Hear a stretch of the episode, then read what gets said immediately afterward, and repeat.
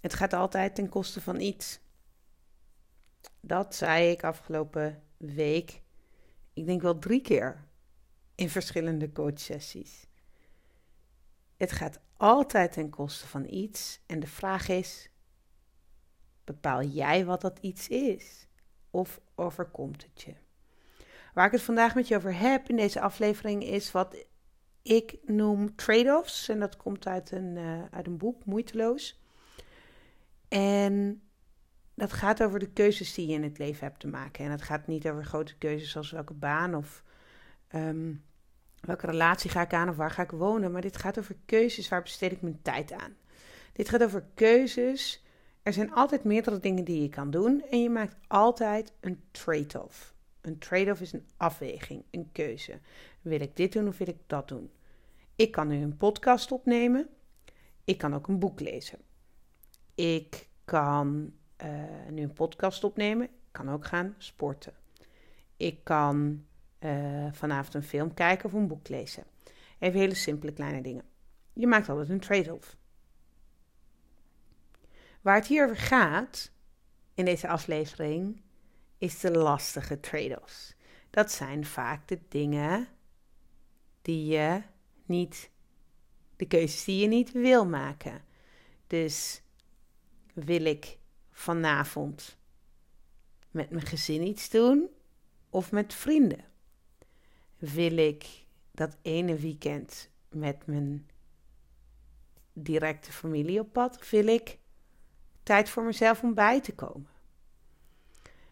Het zijn de trade-offs waarvan je het ene misschien wel wil en het andere heel erg nodig hebt. Het zijn keuzes die goed voor je zijn versus die je graag wil. En het zijn vaak de keuzes die je in je hart wel kunt maken, maar niet durft te zeggen. En vooropgesteld is dat dit gewoon heel moeilijk is, omdat we Ehm, niet gewend zijn om zo overduidelijk een afweging te maken tussen een ander en onszelf. Want dat is waarom ik je, waarheen ik je wil leiden uh, in deze aflevering. Er zijn genoeg trade-offs die je te maken hebt. Hè? Als je een baan kiest in een ander land, moet je daar naartoe verhuizen, laat je dingen liggen. Alleen wat wij nu vaak doen is, dan kijken we in onze agenda of er iets kan. En dan denken we, het hoeft niet ten koste van iets te gaan. Want ik vind het allemaal leuk of ik vind het allemaal belangrijk. Dus ik vind het en belangrijk om overdag een goede werknemer te zijn. En ik vind het belangrijk om s'avonds een goed, uh, goed mijn nevenfunctie te kunnen doen. En ik vind het belangrijk om de volgende ochtend mijn kinderen zelf naar school te brengen. En ik vind het belangrijk om, hè, vind ik allemaal echt belangrijk. En als ik in mijn agenda kijk, is het geen trade-off. Want als ik in mijn agenda kijk, dan is dat leeg en kan ik dat gaan doen. Maar het is altijd een trade-off. Het gaat altijd ten koste van iets. En als jij denkt, het kan er nog wel bij, uh, stel nou dat er iets echt heel leuks op je pad komt waar iemand je voor vraagt. Dat je ook je echt vereerd voelt om twee, drie maanden mee te helpen met iemand zijn, met iets belangrijks voor iemand. Uh, iemand vraagt advies voor een verbouwing en jij hebt net je eigen huis heel mooi ingericht en denk, oh, daar kan ik wel iemand mee helpen. Of je bent supergoed in fotografie en iemand vraagt of je iemands gezin wil fotograferen. Ik verzin even wat dingetjes. Iemand vraagt. Uh, ja, er zijn zoveel mogelijkheden. Waarin iemand je iets vraagt, waarin je je vereerd voelt en je denkt, ja, dat komt er dan bij. En mijn vraag is, waar gaat het dan vanaf?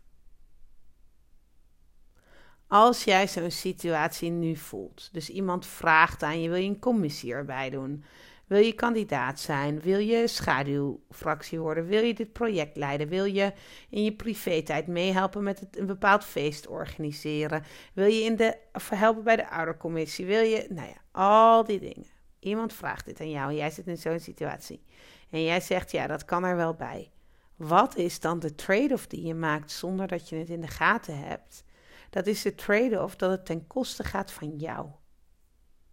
Als je zelf niet kiest, namelijk dat het ergens anders eraf gaat, dan mis je dat in jouw agenda-overzicht misschien af en toe eens een keer iets voor jezelf staat, zoals een sportafspraak.